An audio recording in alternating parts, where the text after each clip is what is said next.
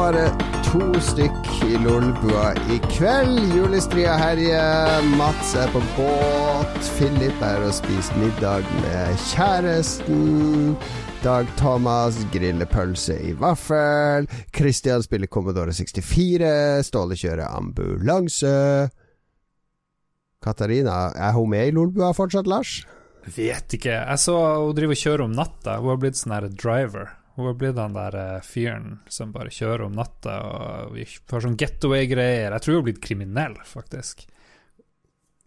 Hun jobber vel på ambassaden fortsatt. Hun er busy. Alle er busy, bortsett fra oss to, Lars. Vi har alltid tid til å lage lolbua. Ja, det er noen som prioriterer rett. Tenker på ikke bare seg sjøl hele tida, som visse andre. ja, det kan diskuteres for begge oss. Jon Cato heter jeg, har med meg Lars. Vi er inne i episode 334 av uh, Lolbua. Ja. Uh, Bilskiltet til Donald Duck. Nei, det, den har vi Nå begynner den å bli gammel, Lars. Jeg tar den frem som ti episoder. Når vi er så høye tall, så er det ofte gøy å google bare tallet. Mm. Så jeg skal google 334, og da er det jo 334-skvadron. Er det, en, er det Hvor mange 300-skvadroner er det? Det finnes jo 330, 334 ja. Det må jo finnes flere hundre skvadroner, tydeligvis. Ja. Den 34-skvadronen eh, stasjonert på Haakonsvern og ble oppretta i Storbritannia under andre verdenskrig, så vet vi det. Eh, Tekst-TV har jo også en side 334. ja, hva er på side 34 på tekst-TV? Ingenting. ingenting. Å. Faktisk. Uh, ja, det er ikke så mye mer. Vi kan gå på Wikipedia og se. 334 romertall CCCXXXIV. Nå tror jeg lytterne begynte å skjønne at vi er ikke så godt forberedt. Vi er jo godt forberedt. Jeg har jo masse forberedelse. Det protesterer på det.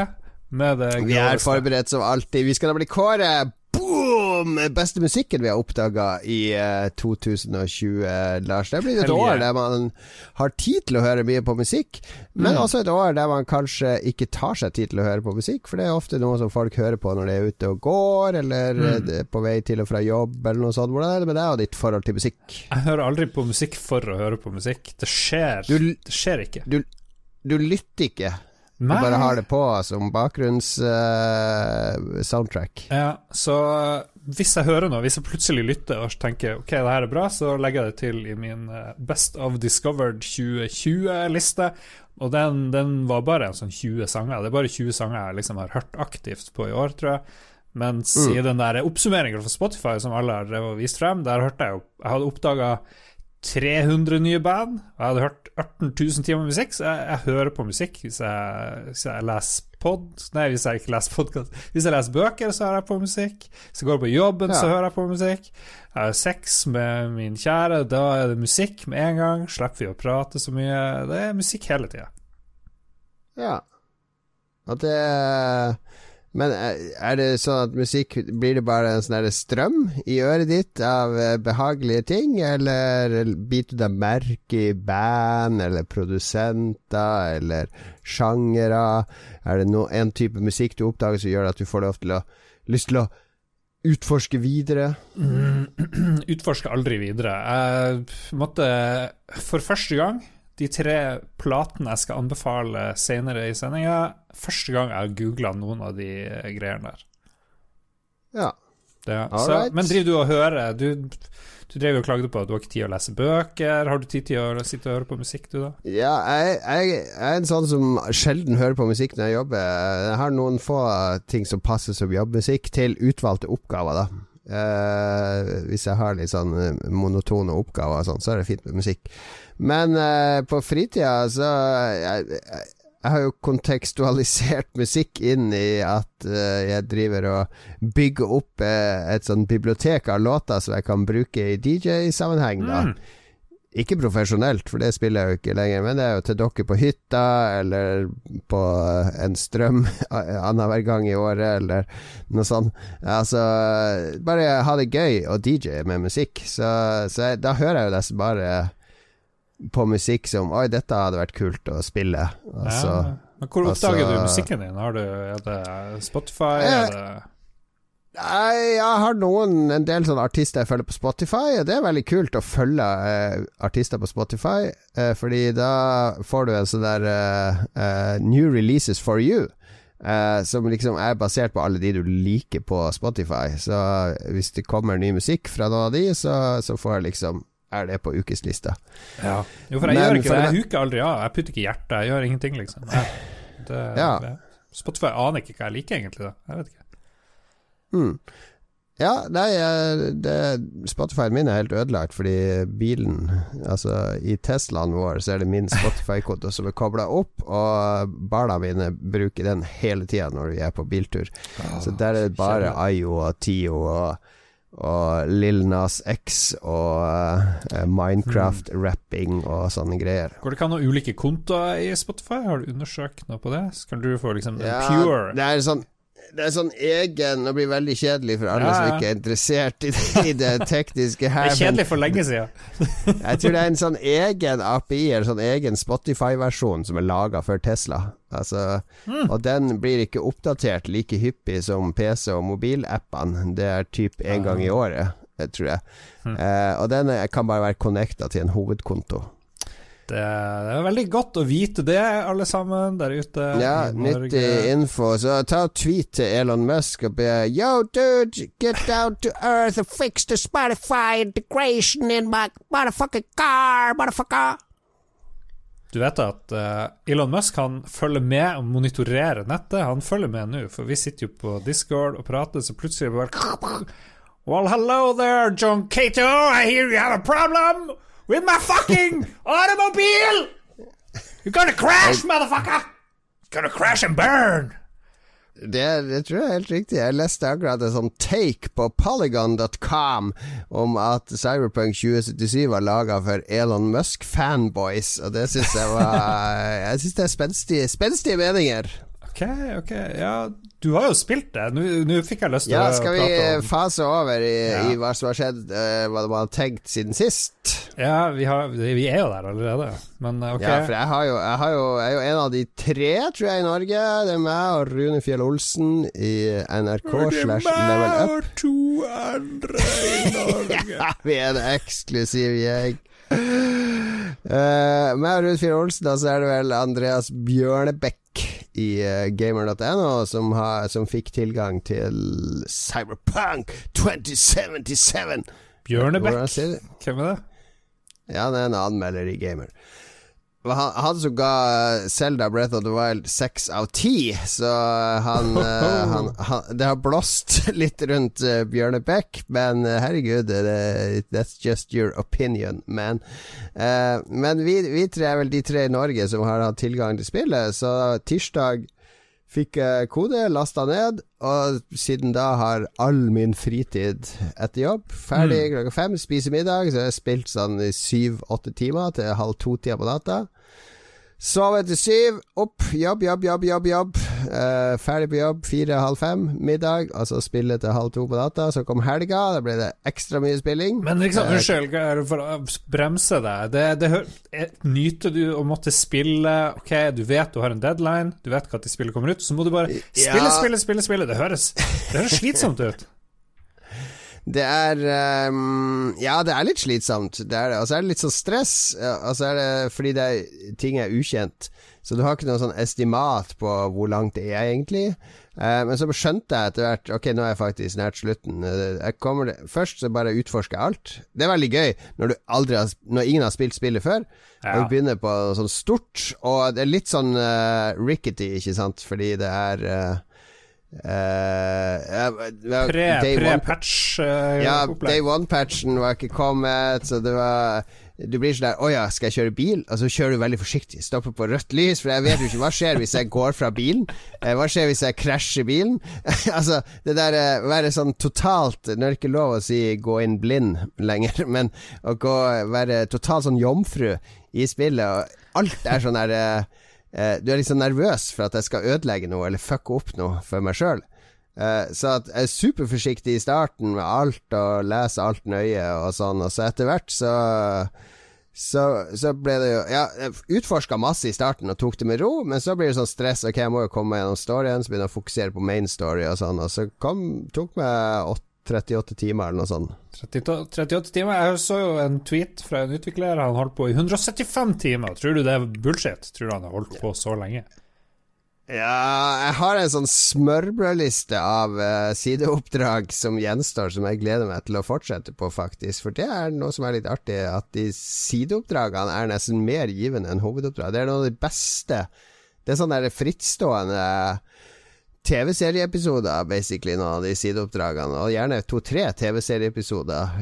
Veldig godt kjent med ulike kulturer og folk og, og ja, nye typer ting å gjøre, og så videre. Så Ja vel, men vi skal ja, få høre mer. Vi kan mer. snakke mer om det senere.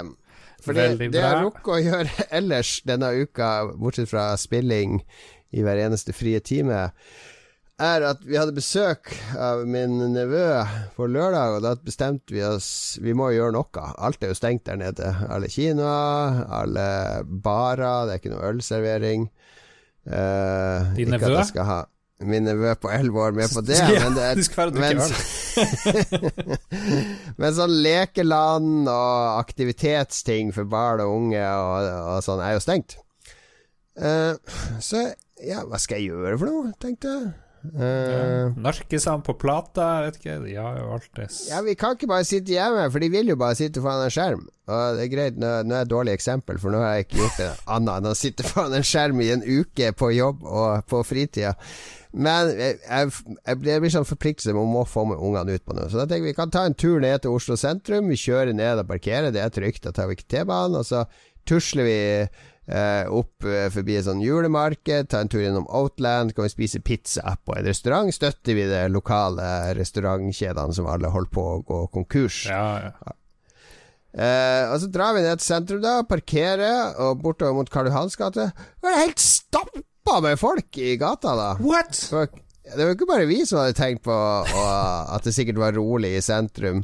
Eh, så det, det var liksom Det var ikke helt som normalt, men jeg ble overraska over hvor mye folk som drev og virra rundt i de gatene, og gjerne uten munnbind òg. De fleste bruker munnbind nå. Ja, er det, har det, er det mindre smitte i Oslo nå, eller? Hvordan Den er på vei ned, uh, sånn at folk har vel senka skuldrene. Og så er det jo noen som bare 'Jeg må jo kjøpe julegaver, jeg kan ikke kjøpe de på nett, og det er jo koselig', og sånn.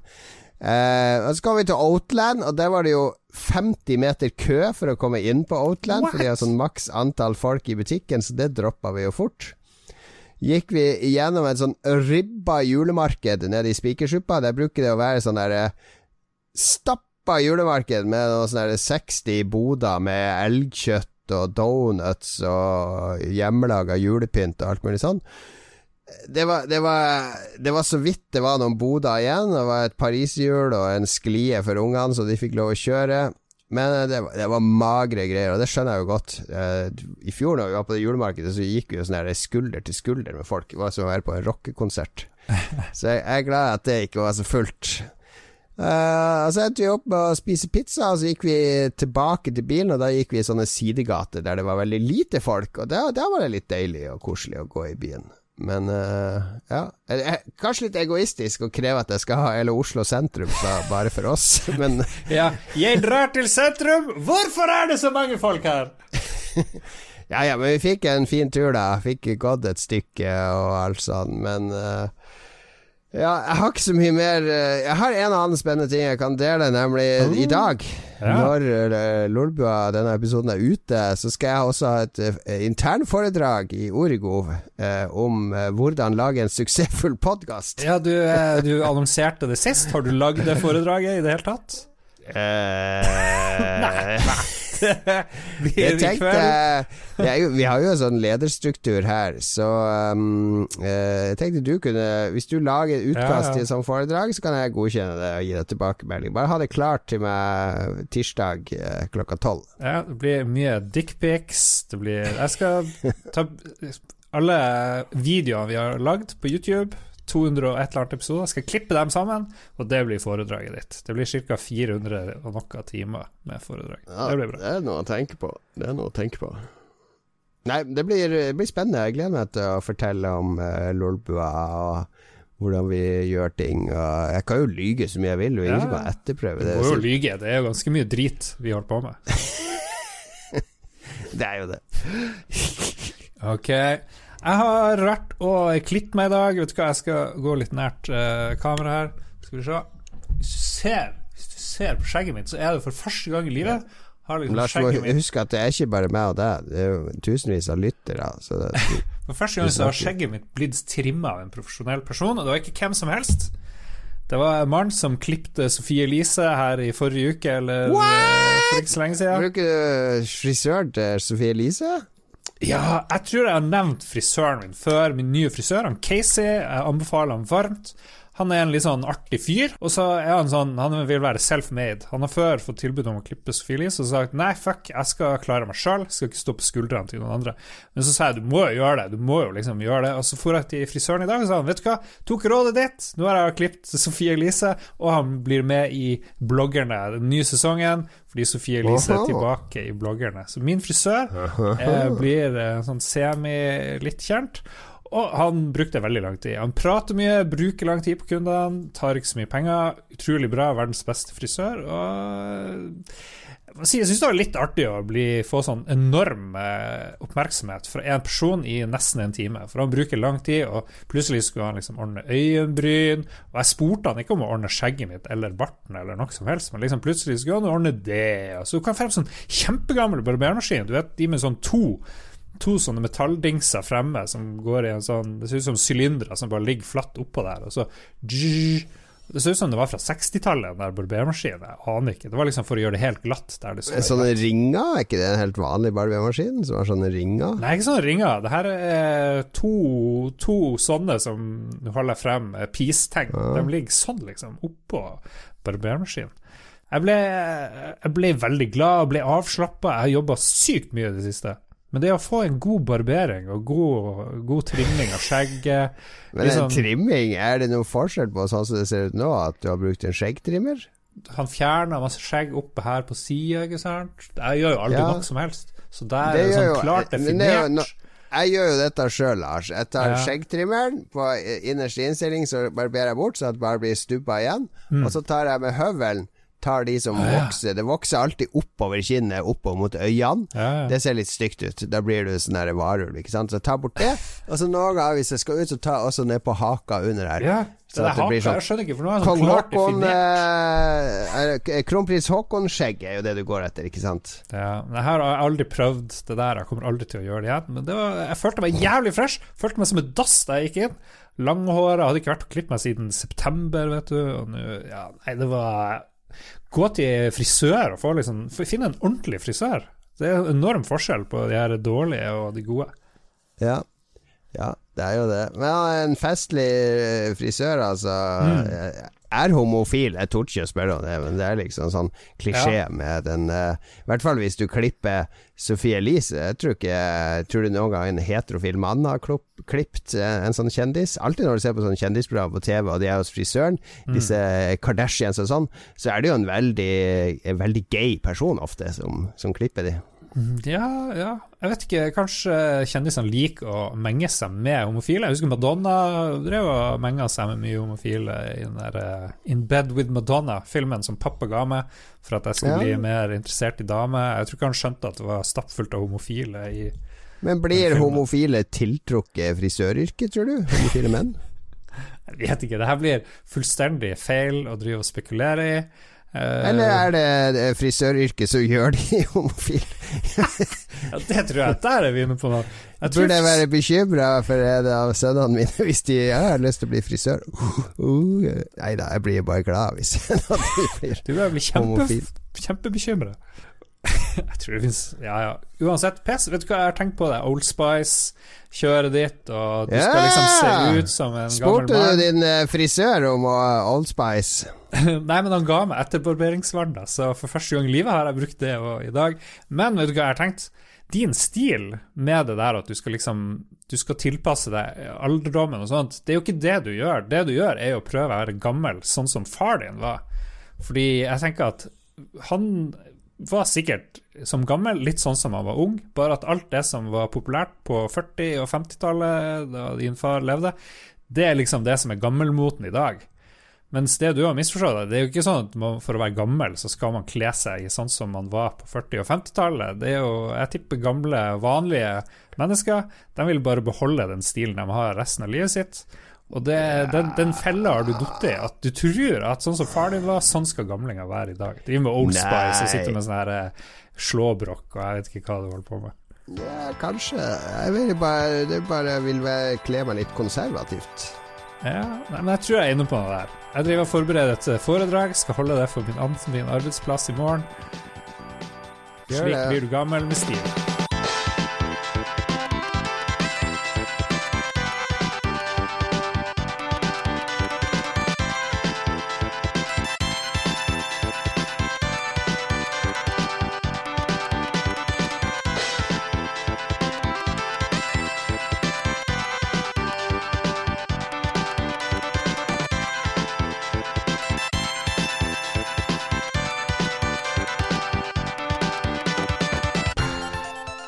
Gratis eh, psykologtime og jeg, jeg syns jeg, jeg liker det. Jeg liker å analysere, analysere deg. Jon Ja, det er bra.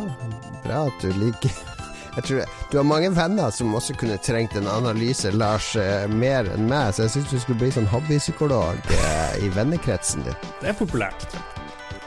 Jeg var jo sånn drømmetyder for en venn av meg. Han hadde så rare drømmer hele tida, så jeg drev Ja, det betyr sikkert det og det. Og jeg hadde noe problem med ei dame og ditt og datt, og bare ja, det, ja, det har, har du helt Det tror jeg du har rett i. Det tror jeg du, han, han stolte blindt på hvordan jeg tolka drømmene hans. Jeg var ganske flink til det. Bare si fra hvis du har hatt en rar drøm, skal jeg si hva det handler om. Ja. Hvis jeg gir deg tarotkort i julegave, vil du bruke det med instruksjoner? Tror du du ville brukt det for å liksom spå andre mennesker? Artig at du sier det, fordi tarotkort er en sentral del av Cyberpunk 2077, uten at jeg skal røpe for mye, men det skal vi snakke om senere. Men eh, ja, jeg har aldri sett, eh, eller aldri tatt på tarotkort. Jeg har litt respekt for tarotkort. Jeg syns det er litt spennende, med han derre Hanged Man og, Ja, og de ja, Jeg var dypt inne. Jeg, hadde, jeg kjøpte det sånn kult. Eh, Men heter det tarot eller tarot? Nå ble jeg veldig usikker. Vi sier tarot. Vi i, på Lambertseter. Vi på, i Lolbua, da. Vi i Lolbua. Ok, ja, det er greit, det. Skal vi se Vi har kommet til musikk, tror jeg. Har vi kommet til musikk? Eh, ja, ja, ja, ja. Vi skal kanskje kjø- eh, Ok, på eh, Google så står det at du sier tarot. Tarot. Det, kan ikke vi bry oss om. Men på norsk ordboka tarot eh, uttaler tarot. Tarot. Tarot? Med sånn Tarot. fransk R. Tarot. Tarot. Tarot? Jesus. Ok. Tarot. Har du sånn lydklipp som spiller, som du bare gjentar? Det er samme, samme ord som tarok. Tarok. Tarok er et kortspill for tre personer. All right! Eh, det skal handle om musikk nå. Eh, ikke kort, ikke magiske kort som kan lede deg i døden. Eh, hvor, eh, hva, hvem eh, Det handler om Det er oss to, rett og slett. Og den favorittmusikken vår fra i år. Som vanlig er det ikke noe krav om at musikken må ha kommet i år. Tok en slurk. Isbjørn? Nei, jeg har vel ingen musikk fra i år i det hele tatt. Nei. Det er jo ikke sånn at når jeg jeg hører musikk, så vet jeg at den er fra i år. Det kommer jo ikke noen som stemmer og sier 2020. Men hvordan er det du oppdager ny musikk, da? Utelukkende eh, Discover-lista til, til Spotify, stort sett. Og litt sånn random på YouTube. på, ja, ja, litt på YouTube òg. Ja. Ok, ok. Uh, da skal vi få lov til å uh, komme med din første musikkanbefaling. Og dette er jo Går litt over i anbefalingsspalten, da. Men dette er jo musikk vi står inne for, som faktisk har berika våre liv i år. Mm. Noe som har gått ofte igjen, og den er på min toppliste i 2020, det er Cocteau Twins. Ut, vet ikke hvordan man uttaler Cocteau Twins. Cocteau! Cocktail! De er Cocktail. fra Cocktail! Jeg vet ikke hvor de er. De er fra England, tror jeg. Nei, Skottland. Har du sett? Ja, det er fra den skotske byen Cocktail! De ble formed in Grangemouth, Skal vi sjekke hvor det er? Rangemouth. Det er skotsk Grangemouth. Grangemouth. En liten by, ser det ut som. Uh, Wikipedia Jeg måtte jo slå opp der, for jeg vet jo ingenting om dem. De ser veldig kule ut, ser ut som de hipsterne. Eh, de er i sjangrene dream pop, ethereal wave, gothic rock og post-punk. Og la opp i 97, og plata jeg har hørt mye på, er fra 90. Og den Ja. heter Heaven or Las Vegas. Og det er veldig mye ekko. Det er faen meg så mye ekko på den plata at det tar helt av, men jeg kan like, like det. Litt reverb. Ja, ja. Er det ekko eller reverb? Det er to helt forskjellige ting. Hilsen DJ.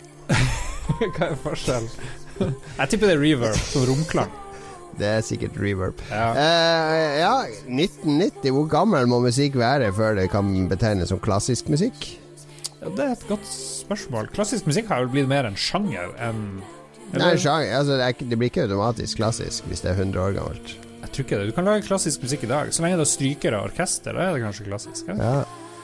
Det er en scene i Futurama, husker jeg, når han der hovedpersonen eh, sitter i mørket og hører på Dr. Dre, og så kommer hun dama inn og så bare Why do you sit in the dark and listen to classical music?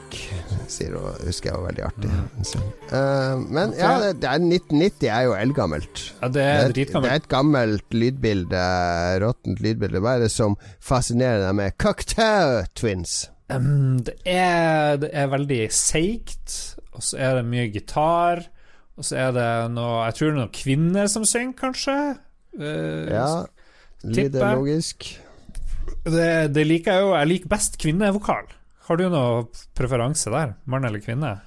Bare Sven Franke, han hører jo bare på kvinnelige artister, tror jeg. Ja, det tror jeg er en sykdom han har, ikke en preferanse. Sykdom. Du kan ofte blande sykdom med en preferanse. Ja, ja. Eh, nei, jeg, jeg liker eh, Jeg vet ikke om jeg skal utlevere meg i sånn stor grad, men det er jo derfor vi sitter her. Men jeg hater virkelig sånn her kvinnelig singer-songwriter-musikk. Sånn der eh, rolige ballader, pop-jenteballader. Det syns jeg er så kjedelig. Sånn kassegitar og kvinnestemme. Eller M2M. piano og kvinnestemme. Nei, det er mer ordentlig pop. Ja. Men jeg, men jeg tenker mer på sånn her uh, Susanne Vega. eh, Susanne Sundfør, Ingrid Olava Susanne Sundfør er litt kul elektronika, da, men Ingrid Olava, altså Sigrid uh, Det er bra når det er pop, men når de begynner med de balladene sine det er så kjedelig, syns jeg. Og hvis det skal, De eneste gode balladene er Da må det være en mann som synger, med lengtende stemme. Justin. Bieber, 'Lonely', for eksempel. Da gråter jeg. Jeg syns, jeg, jeg menn, når de skal synge dramatisk, enten det er Nick Cave eller han i Depeche Mode, eller uh, altså nyere vokalister, når de skal synge om smerte og lengsel eh, det, det gir meg mye mer følelser enn når disse kvinnene skal synge om kjærlighetssorg og sånn. Det er kanskje mannssjåvinistisk, men herregud, jeg må jo Ja. Jeg elsker jo, jeg elsker jo Bjørk, for eksempel. Og, Ja, ja, nei, det er ikke noe kvinnehat, tror jeg. Det er bare mer uh, Jeg skjønner ikke. Det er lov, det er lov, det. Nei, uh, jeg vet ikke, jeg liker veldig Nei, godt jeg kvinnelige liker greier. kvinnelig hiphop, er mye bra. Så det kommer an på sjanger, sjanger. men jeg, jeg tror jeg hører like mye på kvinner som menn. Ok, da har vi fått klargjort det. Nei, det bare for å bli ferdig med de jævla Cocktoe Twins. Jeg vet ingenting om dem. Jeg liker dem. Cocktoe, Cocktoe. Litt sånn seig, mye gitar, mye reverb, uh, og kvinner som synger. Hva er det du tenker på når du hører på det, når du leser musikk, leser les, les bok, eller hva du gjør? Fordi du må jo komme inn i mm, en sinnsstemning. Passe Cocktail Twins til uh, når du leser sci-fi, eller når du leser fagbok, eller Mm, Ja, jeg leser lite fagbøker, dessverre. Nei, det, det, det, det kanskje har litt med at jeg får en sånn Alternative Nation-vibe. MTV, Alternative Nation, nostalgi. Ja, Faktor. 120 Minutes slash Alternative Nation. Det var jo de to uh, indie-programmene der. Ja, nei, så det, jeg tror det er kun eh, det, er bare nostalgi, egentlig, med Cocktail Twins, tror jeg. Og så er de jo bra, da. Jeg tror de er bra. Jeg har hørt om de før jeg hørte de i år. Fantastisk innsikt å få i Lolboa i dag. Ja jeg si, hun, Elizabeth Frazier, det er vel hun som synger i det bandet. Hun var vel òg med i Massive Attack på noen låter, uh, Mm. mener jeg å huske. Så det er jo mulig at stemmen hennes gir deg assosiasjoner til det, da. Ja, ja. Det kan gjøre det. Hvis du Det har her klarer vi ferdig ja. fint, og vi var litt bekymra for om vi skulle klare å lage lenge nok. Det her klarer vi fint å dra ut til en hel episode, Lars. Jeg kan, hvis, eh, hvis Når du har klippet det her, så kan jeg kan prøve å putte noen lydeksempel under når vi prater om de ulike bandene, hvis jeg husker på det. Ja. Spill det baklengs, for da fanger ikke algoritmene opp det. All right. Jeg skal uh, ta min første, og det er litt sånn generelt. Det er ikke bare én plate eller en låt, men det er en dude som kaller seg for uh, Acid Pauly. Eh, ja, det er et artig navn. Eh, en tysker, så vidt jeg har skjønt. Eh, jeg må bare slå han opp her. Tysk fyr som heter Acid Pauly. Høres ut som han bruker litt for mye narkotika, spør du meg. Da, han er nok eh, inspirert av eh, acid, altså LSD, som det heter. Hva står LSD for, eh, Lars? Liquid Crystal Display. Nesten. Eh, han, han er nok inspirert av like, psykedelika og sånn. Eh, han het vel egentlig Console, altså spillkonsoll. Um, eh, ga ut masse plater som det, og så var han med i et, et tysk band som heter No Twist. Som Ok. også Visste du det her, eller bare leste du det for første gang på Ja, jeg kan alt det utenat. Eh, Egentlig heter han vel eh, Martin Gretschmann. Eh, Men nå, i de siste ti åra, så har han vel basically kalt seg Acid Polly for det meste. Og jeg kjenner Han har gitt ut en del plater. eh, Men jeg kjenner han mest fra DJ-settene han lager. For han har et veldig spesielt setup når han DJ. Han spiller andre sin musikk, men har også komponert egne ting til andre sin musikk. Så han, han står med en sånn her musikkmaskin og en, eh, en eh, CD-spiller og miksebord og eh, det, det er sånn Hvis jeg prøver å sjasamme hva er det du spiller her nå, så får jeg aldri noe treff, fordi han lager all musikken på nytt. Ikke sant? Uh, og hans DJ-sett er ikke sånn Det er ikke sånn vill dansemusikk. Det er ikke sånn house party, men det er veldig ganske rolig, med rytme, da. Uh, jeg hører jo ganske mye på DJ-sett sånn generelt, for å hente inspirasjon, og fordi det ofte er bra jobbmusikk eller trenermusikk. Men uh, rolige DJ-sett blir ofte veldig kjedelig, for det er bare sånn lydbilder. Det er litt sånn der uh, industrial støy og litt sånn looper som repeterer, og som går over i hverandre. Mens han har rytmisk basert lydbilder, og så er det litt sånn etnisk inni det her òg. Ja. Det føles som du er på sånn vandring i forskjellige kulturer og jungler. Veldig, veldig behagelig å høre på. Sånn lesemusikk. Jeg tror ikke jeg setter på enhver eh, miks av Acid Polly og legger deg på sofaen og leser. Jeg tror du vil synes det er et veldig behagelig bakteppe. Ja, jeg hører på det nå. Jeg hører sånne etniske ting. Ja. Hva er etniske mm. ting? Det er vel egentlig sånn etnisk musikk. Ja, det er det er jo Dama di er jo etnisk, ikke sant? Hvis det hadde vært noe sånn samejoik som man hadde blanda inn der, så hadde det sagt at det var et etnisk innslag. Det er vel ur, urkult, eller urkulturer, eller Ja, ja, ja. noe sånt vi, vi tenker på når vi sier etnisk. Jo, men jeg tror du var inne på det. Jeg tenkte med en gang sånn regnskog. For jeg fikk sånn Ja, regnskog-vibes. ja, ja. med en gang. Nei, men det anbefaler jeg deg, og alle andre, å sjekke ut hvis du, hvis du har eh, vil ha litt tid og ro og fred, for det gir deg Det gir meg fred, den musikken. Det, det gir meg ikke, gjør meg ikke oppildna og energisk, men det gir meg fokus.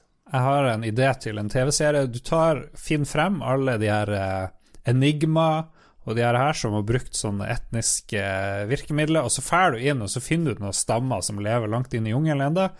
De er jo selvfølgelig, de har jo kjøleskap, og de har sikkert litt sånne ting, men de er fremdeles etnisk. Så spiller du musikk så hvor de har brukt samples fra deres område og deres uh, kultur, og så hører du hva syns de egentlig om den moderne dansemusikken folk skor seg på, som de egentlig uh, har utgangspunktet til.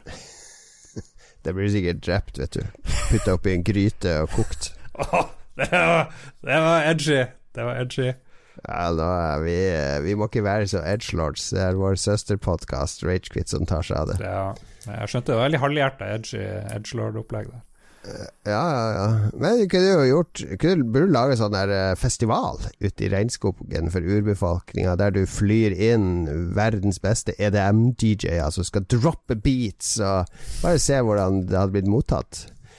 Det er litt sånn som Marty McFly i Back to the Future, når han drar litt Van Halen på scenen under skoleballet i 1956.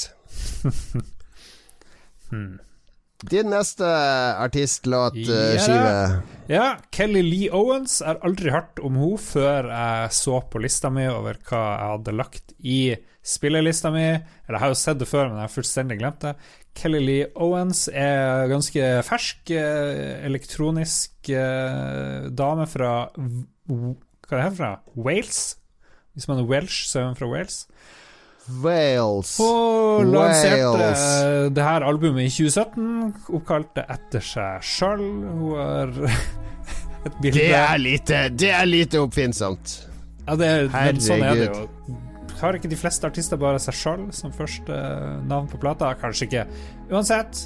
Hun um, jobber som eh, nurse, og så fant hun ut at uh, hun kunne tjene litt penger på å jobbe i noen festivaler, og plutselig så, så begynte hun å lage musikk i tillegg. Uh, og hun lager elektronisk musikk da, av beste, beste sort. Uh, I år så har jeg hørt på mye trege ting. Cocktoe Twins er tregt. Og. Kelly Lee Owens er veldig, veldig tregt. Jeg ser her på sjangre techno, dream pop og electronic. Hva kommer det her av? Er det fordi du har fått deg dame? Vet du hva? Ja. Skal jeg si noe fantastisk? Dreampop var jo en av sjangrene til Cocktail Twins òg, så det er tydelig at jeg er på En rød tråd. Men har det noe med at du har fått deg dame, du har roa ned, du vil ha mer eh, ro i livet ditt? Ikke så på jakt etter energi lenger? ikke så mye jakt på energi. Du får jo veldig mye energi med å være forelska, så det Jeg vet ikke. Um, jeg tror kanskje det er en motreaksjon mot Entourage og alle de her metallfolkene, i hvert fall i discorden vår, hvor det kun metall. Så jeg har fått nok av det. Nå skal det faen meg bli dreampop all the fucking way. Så ja, drømmer du musikk? Eh, forhåpentligvis så hører du det i bakgrunnen her, og ja jeg ganske, jeg har fått mye skryt, ser jeg her. Så jeg driver jo aldri og sjekker om musikken jeg hører på, har noe sånn eh, kred, men uh, tydeligvis uh, helt uh, godt mottatt. Jeg har jo hørt at hun, har, hun er nysgjerrig på sammenhengen mellom healing og musikk. Har du merka noe til det når du har sluppet Kelly inn i øregangene dine? Jeg lærte i dag at hun har vært nurse på Cancer Ward, så det er jo kanskje logisk. Hun har samarbeida med Bjørk. Det er jo tøft. På den der ja. Utopia-plata så har hun ja. remiksa noe greier. Så ja, ja. Nei, healing, jeg vet ikke. Det, det kan godt hende. Hvem vet? Ikke jeg. Hvem vet inte du. Jeg skal ta neste låt. Jeg beklager at det er veldig lite substans i mine anbefalinger. Jeg er veldig ærlig her. Jeg bare tar det jeg vet jeg liker. Vet ja, at jeg kan ingenting ærlig. om det her og bare brette meg ut. Ærligheten er jo det eneste Omtrent den eneste kvaliteten vi har i Lolbua, er at vi er ganske ærlige. Er det ikke, du ikke si det? Jo, jo. Ja, men det liker jeg. Eller, vi er ikke så pretensiøse. Vi uh, nei. nei. bortsett fra når det skal anbefales svart-hvitt film. Jeg ser bare sære filmer fra Frankrike. ok. Uh, mitt neste band er det her. Det kaller seg for Becker og Mukai. Becker and Mukai. Uh, som har laga en plate som heter Time Very Near. Som av en eller annen grunn har blitt min go to jobbmusikk den siste måneden. Den kom ganske nylig, så det her er faktisk en plate fra i år. Uh, og det bandet består uh, hovedsakelig av han uh, Susumu Mukai, født i 74 i Osaka, Japan, men bor nå i UK, der han lager musikk. Og han er nok mest kjent under artistnavnet Zungamin, og hadde en forrykende sånn trommeelektronikalåt for Ja, for å bli 11-12 år siden, som liksom var midt i den Justice og, og French uh, elektronikabølgen, der var den mye spilt. Ja, det var herlig. Men ja, litt sånn multikunstner-japaner. eh, Spiller masse instrumenter. Og eh, den, eh, også denne plata den, den er relativt rolig elektronika. Det er ikke uptempo. Det er mer eh, Det er ikke bare jeg som er er dreampop-person for tida. Nei, eh, ja, jeg ser noe, noe paralleller her mellom våre smaker. Kanskje vi har blitt så gamle nå at uh, det rett og slett er piggtrådmusikk? Eh, det som de unge hører på? Ja, bare støy. Uforståelig støy. Ja. Nei, Becker og Bukai, det er elektronika, men det er uh, litt sånn naiv eh, elektronika. Litt sånn old school. Uh, jeg, jeg bare liker det. Sangene flyter veldig flott. Uh, lydbildene er fine. Ikke så pretensiøst, det er bare gøy. Ok Skal vi se, nå skal jeg kjøre det på her. Skal jeg få en litt smakebit, skal jeg gi deg et terningkast med en gang. Ja. Oi, veldig behagelig. Det er det, det er det. Det her liker jeg. Det her skal jeg adoptere med en gang. Fantastisk. Do it. Ok, min siste greie. Jeg bytta ut noe sånn japansk drit jeg ikke kunne noe om, til et noe Ah, jeg kom tok, på. ja. Ja, Du vil ikke herme? Jeg hadde tatt Japan, japaneren min. nei, jeg har uh, oppdaga noe som heter Kruangbin, som jeg tror jeg har nevnt og anbefalt tidligere, men det er det jeg har hørt mest på i år, desidert. Kruangbin betyr flygemaskin på thai eller noe sånt. Og Krangbin! Krangbin! Yes, flygemaskin, fly. Og de har eh, et livesett på YouTube eh, arrangert av Pitchfork, det her eh, musikkmagasinet eller hva det nå er, som er fantastisk. Det er noe sånn her eh, eh, psykadelisk, soul, funk-aktige greier. Veldig, veldig rolig. Litt sånn her surfegitar oppi det hele. Og medlemmene eh, Det er bare tre stykk. Det er ei dame, en mann og en til mann på tromme. Og så synger de bitte litt. Synger veldig lite. Det er nesten 100% instrumentalt. Og det er sykt behagelig. Jeg vet ikke om de har noen sånn ordentlige plater på Spotify. Jeg har bare hørt dem De spiller ulike ting på YouTubes. Og skal vi sjekke Krongbyen på Eh, på- jo, de er på Spotify. Du kan få, der har de en noe drit der. Ja, ja, masse sanger. Sjekk ut dem, altså. Fy satan, hvor, eh, hvor flott musikk det er å bare chille, glemme korona, glemme alt det der. Drøm deg bort. Litt sånn eh, Kanskje litt østensinspirert. Litt, eh, litt California. Litt eh, 60-tallet, litt 70-tallet. Og, og det jeg liker med trommisen, det er at han har sånn tre trommer maks. Han, liksom, han, ikke, han har ikke det der eh, 17 trommen. Det provoserer meg. Hvorfor har trommiser Hvor skal de ha 19 trommegreier, liksom? De må jo ha tromme, da. Beatles hadde jo bare sånne her eh, tre ulike trommer, dem òg. Sikkert funker lenge nok. De hadde, de hadde trommesetter. Det er tamtammer og Ja, du, et Tam-tam? minimum må du ha. Litt Ja. cymbaler. Ja. Du har jo en sønn som spiller tromme? Nei, har du det? Ja da, ja da. Du Ja. trenger ikke mer enn et standard trommesett, egentlig. Men skal du lage mange lydbilder og ha andre ting, så må du jo Altså, noen er pretensiøse. Sånn er det bare. Ja. Sjekk ut Kroangbin fra Houston, Texas. Og jeg glemte jo å nevne hvilke sjangre det er. Det er dub, rock, instrumental, psykedelika, soulfunk i USA. Jeg Slutt å lese opp fra Jeg liker det. Wikipedia. Du, er la, du later som at du ikke leser opp fra Wikipedia. Jeg bare Jeg gjør det aldri, straight up. aldri opp. Members Laura Lee, Mark Spencer og Donald Johnson. Don Johnson er med her, faktisk. Det er artig. Veldig Ja, DJ. eh, Kallenavnet hans. Si. Si, eh, min siste anbefaling Vi er på drømmemusikk, alle, begge to. Uh, nei, jeg- vet du hva, jeg har tenkt på det nå. Jeg tror det kommer av året vi er i. Ja, Man trenger jo å drømme seg bort fra traumene. Og uh, det er ikke så mye fester, det er ikke så mye samlinger, det er ikke så mye rom for den uptempo uh, agromusikken Nei. i livene våre nå. nei. Så la drømmemusikken omfavne dere òg, folkens. Siste drømmende anbefaling fra meg er jo Nina Kravitz. Eh, Dattera til Lenny Kravitz. Nei, hun har ingenting med Lenny å gjøre. Hun kommer fra Irkutsk i, i Russland, som er helt borte ved Sibir, faktisk. Uh, og hun uh, skulle egentlig bli tannlege, men så begynte å DJ og sånne ting i stedet. Så hun er en DJ og elektronika Akkurat som Doktor Alban. Ja, litt som Doktor Alban. Gått litt samme løypa. og hun hun, hun er, spiller ganske annerledes uh, elektronika enn meg. Og det er litt sånn house, men det er veldig sånn mørk, uh, lavmælt uh, versjon av house. Jeg sier sikkert noe feil her, så jeg blir arrestert av Du må lese opp uh, sjangere fra Wikipedia, sånn som jeg gjør. ja, men det er ikke noe sånn ordentlig sjanger her. Men hun, har ja, Techno Tech House Minimal Electronica Acid House, står det her, da.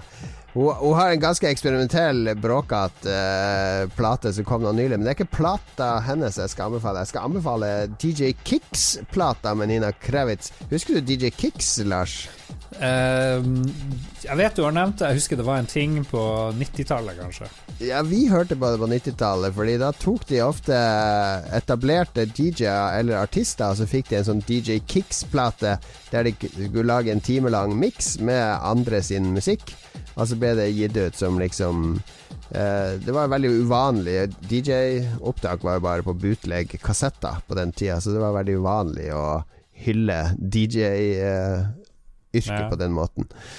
Uh, så hun hadde en DJ Kicks-utgave uh, som jeg har hørt veldig mye på, fordi den er veldig sånn som du har beskrevet, drømmende og svevende og mørk elektronika. Jeg må ha litt mørke oppi det her. Det kan ikke være for sånn positivt drømmende. Det må være litt mareritt oppi det òg. Ja, ja, så, så hennes DJ Kicks-plate til Nina Kravitz skal jeg anbefale.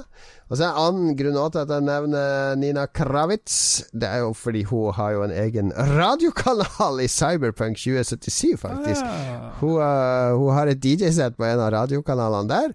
I tillegg er hun til og med en figur i Cyberpunk 2077, det visste jeg ikke. Men hun er en uh, Ripper Dock. Uh, og jeg dro til en Ripper Dock nord i byen. Bare jeg skal se om det er noen upgrades her jeg kan kjøpe. Og der sto Nina Kravitz. Og heter Nina Kravitz i spillet. Det var det hun som var stemmeskuespiller, så det var litt stas. Hmm. Det, det, høres ut som Det høres mer og mer ut som Cyberpunk 2077 er Grand Theft Auto 6 i fremtida. Ja, det skal du få høre mer om eh, når vi skal snakke om hva vi har spilt i det siste.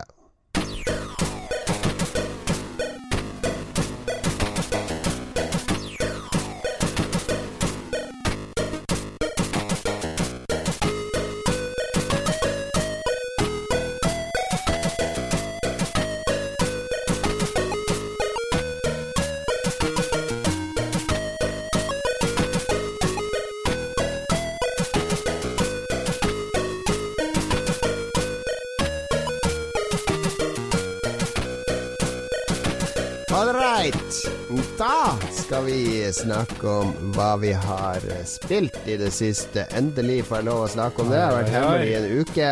Eh, til dere og andre eh, bekjente så har jeg jo eh, løgget. Beklager det. Jeg har sagt at jeg spiller et spill som heter Fifa 2077. Så det, det, jeg, har, jeg, har, ikke hatt lov å fortelle at jeg har spilt det. Nei. Skrevet under kontrakt i du har... vet de teite kontraktene. Ja, og det var en veldig god kontrakt, Fordi du har ikke sagt et ord til meg heller. Jeg har liksom hinta Ja, hvordan går det med Fifa 2077 og sånn der, og så videre. Jeg har Ikke fått vite noe. Ja, nei, det, jeg har holdt tett. Fulgt uh, regler og oppfordringer. Men nå kan jeg prate om det, så nå kan du spørre om hva du vil. Uh, ja, jeg jeg, jeg ja. ja, men for å ta først, du er fan av Witcher 3. Hva, ser du noen spor av Witcher 3 når du liksom begynner Cyberpunk 2077? Ja, første gang jeg skjønte at det her er jo Eller i Witcher 3 så kan du trykke den knapp for å plystre på hesten din, så kommer han løpende sånn 30 meter unna. Her kan du trykke på en knapp for å plystre på bilen din, så kommer den kjørende 30 ah. meter unna. Eh, det er eh, Grunnfundamentet er veldig likt Witcher 3, med at du Du plukker opp ting og våpen og utstyr som har stats. Og Det er det som er litt deilig, for det er et ekte Det er et rollespillsystem i bunnen her, da. Ja. Så når du skyter fiender, så spruter det opp sånne tall med og crit og, og alt mulig sånn. Så det er masse stats i bunnen, multipliers for uh, ditt og datt, uh, headshots osv. Uh, mm. Og, og, forskjellige typer utstyr og beskyttelse og powers, uh, så masse synergieffekter. Så du bruker mye tid i menyene, akkurat som i Witcher, fordi hver gang du går på et oppdrag, dreper masse fiender, så slipper du masse lut, så er det rundt å plukke opp dildoer og kondomer og våpen og Dildoer? ja, det er ganske vulgær eh, Det er ganske seksualisert, det spillet her. Det er veldig mye vulgær reklame. Jeg har vel vist deg noen bilder av noen av de reklamene. Ja, ja, ja. Hmm. Mm. Mye sodomi?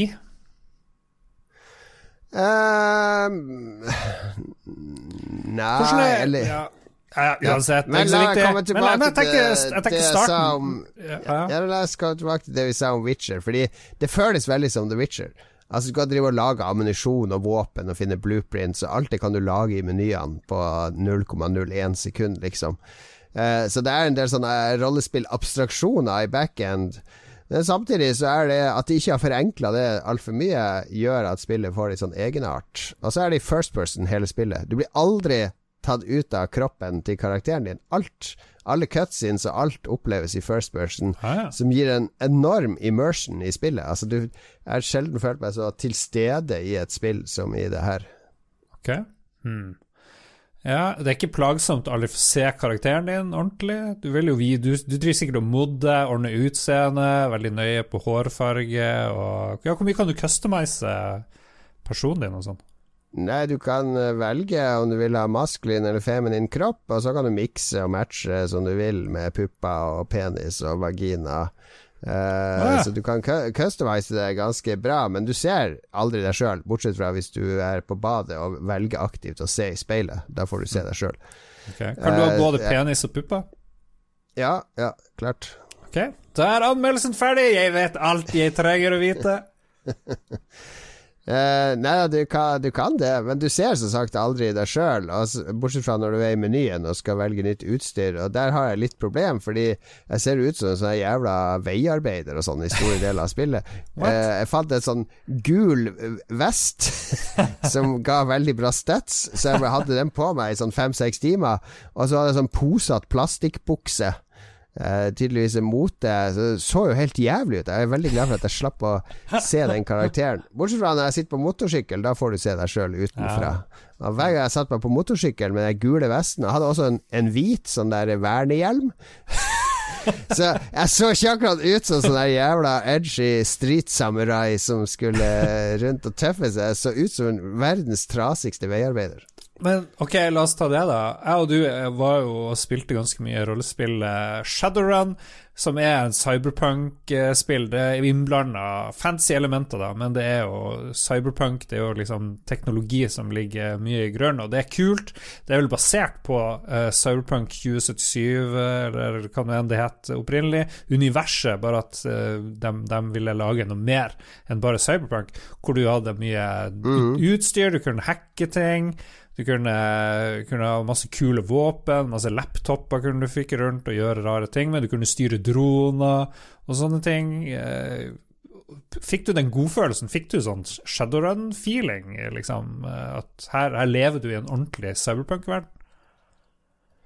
Uh, ja, egentlig jeg, det, det, at det er førstepersonen, som jeg sier, gir deg mye mer uh, følelse av å være i den verden. Altså, byen er utrolig bra designa. Uh, jeg ser noen anmeldere som er, burde vært mye mer åpne butikker og leiligheter og sånt.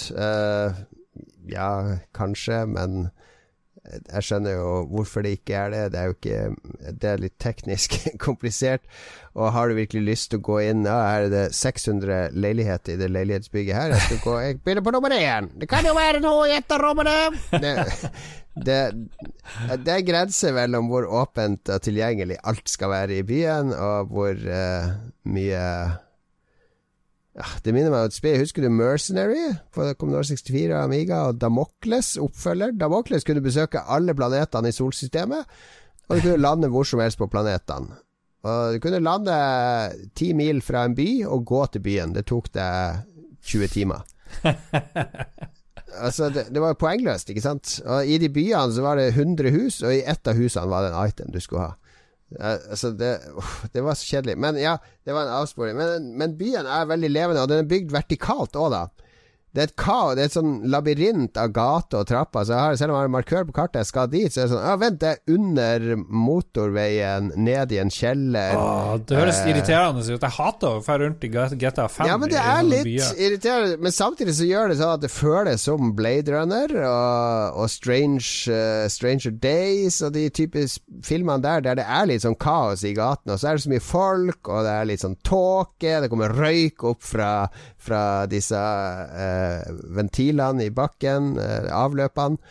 Uh, det er neonlys som skinner ned på den våte asfalten. Så at byen føles ekstremt levende og veldig annerledes enn andre sånn åpen verden-byer. Mm. Og føles litt som GTA. Det gjør det. Føles litt som GTA. Er det sånn, kan du bare hive deg en bil? Og så kan du bare fære og kuke rundt, og skyte folk og ja, gjøre Nei, fordi igjen så kommer rollespillelementene ut. Jeg gikk Du har fem sånne stats. Body og dexterity og intelligence og mechanical aptitude og cool. Uh, og de fem uh, uh, kan du, Hver gang du går opp i level, så kan du øke de opp til maks 20 også for eksempel hvis du skal rive en kar ut av en bil, hvis du kan kreve at du har seks eller åtte i body fordi han karen er sterk. Så hvis du ikke har tatt noe på body, så kan du ikke bare ta hvilken som helst bil. Og Hvis biler står parkert, så kan det være at de er, de er, låst. Hvis det er en dyr bil, så er det en komplisert lås, og da må du ha f.eks. ti technical ability. Ja. Så at, uh, hva du Statsene dine påvirker liksom hva du kan gjøre. Kult. Men du kan basically Du kan bygge opp en diger bilpark. Det er litt så slitsomt, fordi når spillet begynner ordentlig, så er det masse sånne fiksere som begynner å sende deg tekstmeldinger med at de har biler til salgs. Så jeg tror per nå er det sånn 25 biler som, som ligger på mobilen min, som disse folka vil selge med.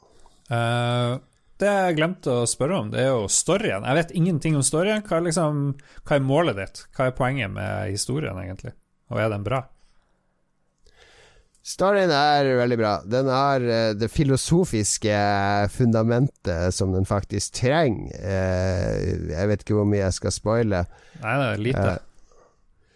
Uh, ja, storyen handler om en sånn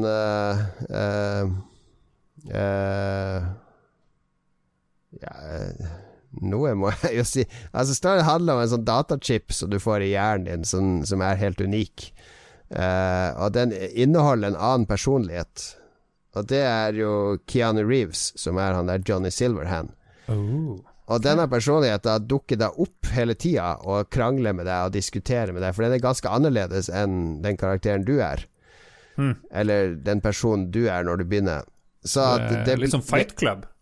Ja, det er, han er litt sånn Tyler Durden-karakter. Og det, det, er veldig bra sånn progresjon på de greiene der, og det forholdet mellom deg og uh, Keanu Reeves og bakgrunnen hans. For han Johnny Silverhand, de som har spilt uh, rollespillet, det penn og papir-rollespillet, han var jo en, en, viktig karakter i det rollespillet. Han var en sånn rockestjerne og terrorist. Så, så, han var ute etter å ødelegge megakorporasjonene og var et stort idol for mange. Det er jo Fight Club. Ja, han ble drept i et sånt terrorangrep i 2023 eller noe sånt, og her er det jo 2077, så han har jo ligget fanga på den chipen så lenge. Så etter prologen så får du den chipen, da. Så det er jo egentlig ikke en spoiler, men så var det jo også prologen i sånn ti timer, eller sånn, så kanskje en liten spoiler. ja, ja. Sorry. Sorry. Um, ok, det er noe chip i hjernen din, greit nok. Hvordan er, hvordan er com combat-systemet, kampsystemet? Kan du, kan du, løse ting ved å hacke deg inn og gjøre sånne ting, eller må du skyte hele tida, eller hvordan, hva skjer? Det velger du litt sjøl. Det er på en måte to sånne hovedretninger. Det ene er skytevåpen. Eller det er litt forgreninger der òg, for skytevåpen er delt inn i tre typer våpen. Det er vanlige skytevåpen med kule og krutt, og så er det smartvåpen. De, da må du ha riktig utstyr, og da sporer liksom kulen eh, justere seg og treffe fiendene, så du trenger ikke å sikte så nøyaktig. Du kan treffe de bak cover og sånne ting. Men de gjør litt mindre skade. Og så har du tech-våpen, det er de kraftigste. Da skyter du sånn energistråler og sånn. Eh, og du kan booste de med ulike spesialiseringer og skills, selvfølgelig. Uh, men, og det er liksom skytevåpnene, som igjen er tre forskjellige typer våpen. Men så har du nærkamp, som er et stort element. Du kan ha booste refleksene dine, sånn at du slår ned tid, og du kan bygge inn sånne Wolverine blades i armene dine, og, ja. og bli en sånn skikkelig samurai som eh, omtrent teleporterer seg rundt på slagmarka. De er veldig ja. irriterende å slåss mot. Det er jo veldig cyberpunk du... å drive med sånn kroppsmodifikasjoner og sånt, tenker jeg. Ja, det er, det er jo et sentralt tema i spillet. Altså, altså har du hacking, da, som både for det meste foregår ved at du kan hacke deg inn i, i cyberimplantsene til fiendene dine. Så du kan trykke inn en sånn skanneknapp, og da kan du, når du sniker deg rundt, så kan du liksom hacke deg inn i kamera, eller i forskjellige e, elektroniske ting, og liksom få dem til å malfunctione eller eksplodere, eller du kan ta over kamera eller turrets og andre ting. Men du kan også gå inn i hodet på eh, soldater du slåss med som har implants og starte sånn derre uh, Hva heter det Quick uh, Quick soft eller et eller annet som uh, gir forskjellige effekter. For eksempel kan du ta fyr, du varmer de opp sånn at de begynner å brenne i noen sekunder. Og, eller du gir de støt, eller du gjør de blind. Eller du gjør at granaten de har på seg, eksploderer. Weapon malfunction. Så en, jeg, jeg, fokuserte mest på skytevåpen og hacking. Det var liksom mine forteis. Eh, var liksom sånn magiker som drev rundt og, og manipulerte de mens jeg skøyt. Det var sånn jeg spilte. Men hvis jeg skal spille gjennom en gang til, og det har jeg jo tenkt å gjøre på nyåret når jeg har oppgradert PC-en litt, så tenker jeg at jeg skal gå for uh, stealth og melee. Ok, mm, tøft. Jeg får litt Shadowrun-vibes her med alt det du sier, da. Det høres ut som det kan være en slags Ja, det er mye paralleller her, og er, på mange måter så er det det her spillet vi drømte om når vi var den, i den alderen. Altså, det er det låner jo tungt fra Blade Runner og uh, cyberpunk-litteraturen, og alle de referansene føles Føles som folk som har vokst opp med liksom den samme visjonen av den grimy, edgy fremtiden som vi har. Og i så måte så videreutvikler det kanskje ikke sjangeren mm, på noen måte, men det er mer en sånn der uh, ungdomsdrøm som er blitt realisert. Og så er det litt sånn prepubertalt til tider med analkule og dildoer og veldig mye seksualiserte, pornografiske reklameskilt og Det er vel en, en gaybar i spillet òg som heter Dickie Twister og Med en sånn neonpenis som driver og danser på taket. Og. Hva er det som har imponert deg mest med spillet? Er det, er det noe som Du liker jo nye ting, nye opplevelser, noe du ikke har opplevd før. Er, hvor havner det der? Uh, det er egentlig karakterene og, uh, og oppdragene i spillet som har imponert meg mest. Fordi i sånn som GTA eller Red Dead Redemption eller Assassin's Creed, så blir det fort sånn repetisjon på ting. Altså det blir sånn der uh, Oppdraget er ja, kjør dit, altså skyt alle de folka, kjør dit, det er noen biler som jakter på deg, kjør tilbake dit, mist de bilene og mist politiet, så er du ferdig det er rinse repeat i GTA, og det er stort sett det samme i, i Red Dead Redemption og i de andre spillene. At de, repeterer seg, mens her de, har de vært veldig flinke til å lage ganske varierte oppdrag. Noen er infiltrasjon, noen er ren slakt, det er noen mordmysterier. Av og til skal du husker du Stranger Days, en av våre favorittfilmer, Lars? Jeg tror den er Strange Days, men ja, veldig, Days, ja. veldig kul film. Vi så den i lag med Eller var det Pål Bang-Hansen der? Jeg husker ikke. Ja, Pål Bang-Hansen uh, var vel der. Men, men, de har, de har uh, rappa hele det konseptet med sånne brain recordings, altså der du tar på en kar sånn recordingutstyr, og så recorder du alt han ser og føler gjennom øynene hans. Ah. Det konseptet har de rappa, så du, det er en del oppdrag der du skal liksom analysere sånne brain recordings, og da tar du kameraet ut av hodet deres og skanner omgivelsene og ser etter lyder eller spor. Hvor er dette? Hvor er det de har laga disse snøff-filmene? Prøve å finne ut hvor det er en Uh, som er et sånn kult minispill. Det er liksom blanding av Blade Runner, når han driver og zoomer inn på det bildet i speilet, og, og Stranger Days-opptak. Så det er en veldig variasjon i det du skal gjøre. Og i tillegg så møter du et sånt persongalleri som er veldig, veldig levende og troverdig av en eller annen grunn. Kanskje jeg er litt sånn blenda av hele spillet, men jeg elsker alle de karakterene jeg møter i spillet. Jeg blir oppriktig glad i dem, for de får lov å bruke tid med dem og snakke med dem og de er ikke sånn eh, de er, de er, gjerne litt sånn sårbare. De er ikke så, sånne karikaturer som i Grand Theft Auto, men de er mer eh, Minner litt om de folka i leiren din i Red Dead Redemption 2, som også hadde en sånn sårbarhet ved seg. Men her har de De fleste har ganske gode sånne story arcs og sidehistorier du kan følge, der du hjelper de og backer de opp og kan ende opp med å ligge med de hvis du har lyst og sånne ting. Så ja. det ja. ja. Witcher er jo mye sex og implisert, i hvert fall. Du kan sjekke opp ja, mye folk. Ja, og Witcher så får jeg aldri noe forhold til de personene som bor i den verden, for alle føles som litt sånne dukker som går rundt, og det er liksom Det er navn og personer og alt mulig sånn, men for det første, jeg føler meg jo aldri som Geralt, egentlig. Jeg føler at jeg styrer Geralt, og det er helt greit, det. Mens i, i Cyberpunk så føler jeg at det er meg som driver og går rundt i denne verden. Og i og med at jeg er førsteperson hele tida, i alle cutscenes og dialoger, så ser de på meg. Altså, de, de, ser rett på meg i øynene mine. Jeg, jeg, står ikke som en flue på veggen og ser på min karakter snakke med en annen karakter. Beveger jeg meg rundt i rommet, så følger de meg med hodet og øynene. Og så er det en sånn lipsync-teknologi som gjør at de sier faktisk Det ser faktisk ut som de sier akkurat det de sier. Hva er det du misliker med spillet? Uh, jeg bruker litt mye tid på Eh, i menyene. Litt for mye tid. Altså det, er, det, er litt sånn kjedelig. Hver gang du har vært på et mission, så har jeg 25 våpen i inventory, fordi jeg har jo selvfølgelig støvsugd alt uh, fra alle jeg har drept underveis og jeg har funnet underveis. Altså liksom Det er ikke så vanskelig. Da bytter jeg bare til det våpenet som gir best stats innenfor de våpentypene jeg liker å gjøre, men så må jeg liksom dra til butikken, og så må jeg selge alle de andre våpnene. Må trykke på det én etter én etter én etter én.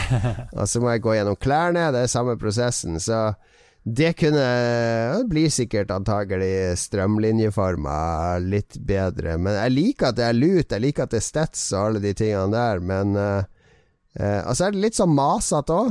Eh, fordi når du starter spillet, så er det liksom Yes, endelig kan jeg utforske verden som jeg vil.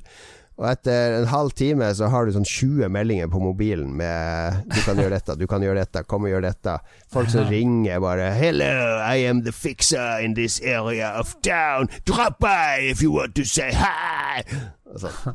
Ja, for det var irriterende i GTA 4, og det han her Oh, my cousin, please come and drink with me in the bar. Så følte du at du måtte fære og drikke og gjøre sånne kjedelige minigames? Ja, men de ringer, de ringer bare én gang, da. Det gjør ja, okay. Um, siste jeg lurer på, det er jo musikken, fordi jeg tenker at musikken spiller kanskje en rolle her. Du har nevnt henne der Nina Kravitz. Er det, er det minneverdig? Blir du Oppdager du noen nye, nye greier du liker?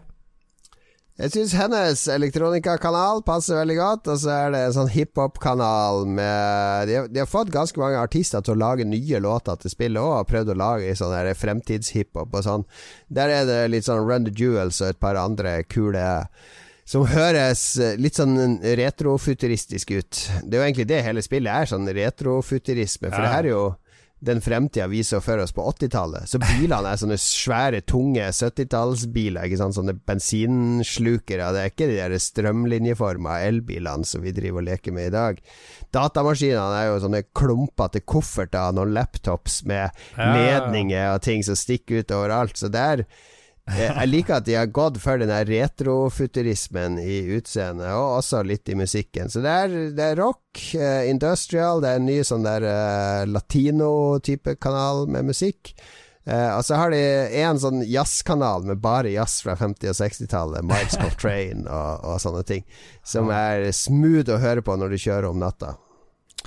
Veldig kult. Jeg tenkte, jeg var veldig usikker på hvordan det spillet kom til å bli. Om de her eh, gærne polakkene skulle liksom få til det her. Det har vært utsatt kjempelenge. Kommer det til å være bra nok? Jeg er veldig spent på hvordan det er på min Xbox Series X, som jo er der jeg skal spille det her på.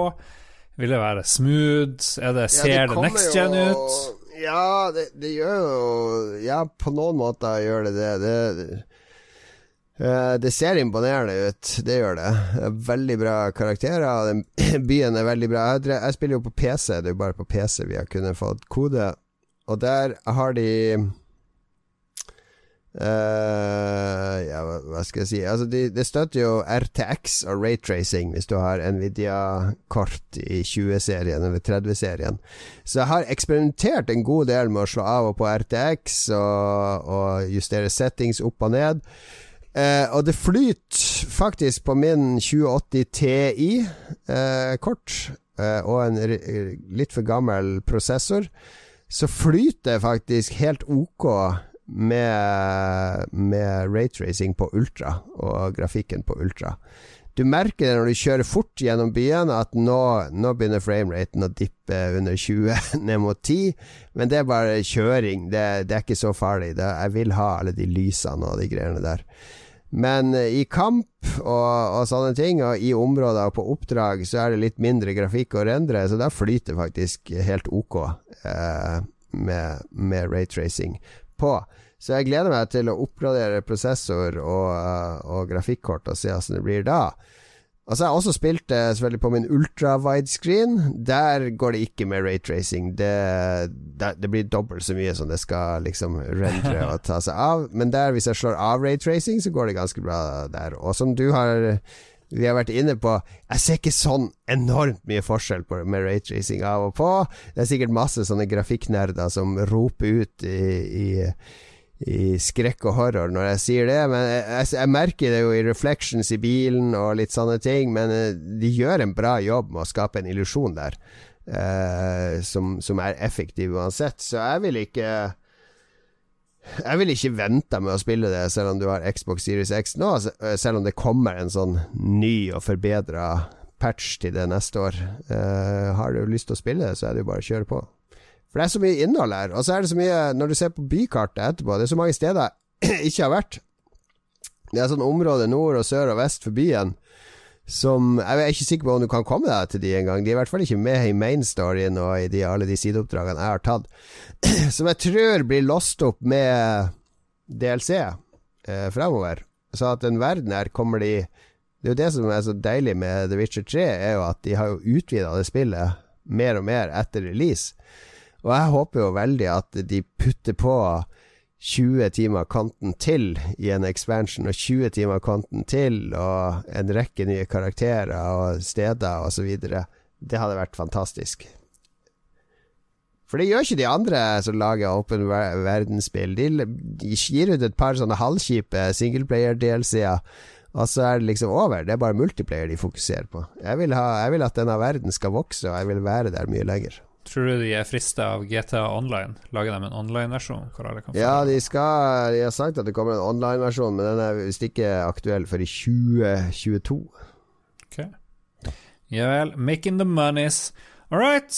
Bra, bra, å høre de første, eller den første anmeldelsen jeg noen gang har fått av uh, Cyberpunk 2077 høres ut som du har kost deg. Du, uh, du, du, anbefaler oss å kjøpe det her spillet, altså. Det høres sånn ut.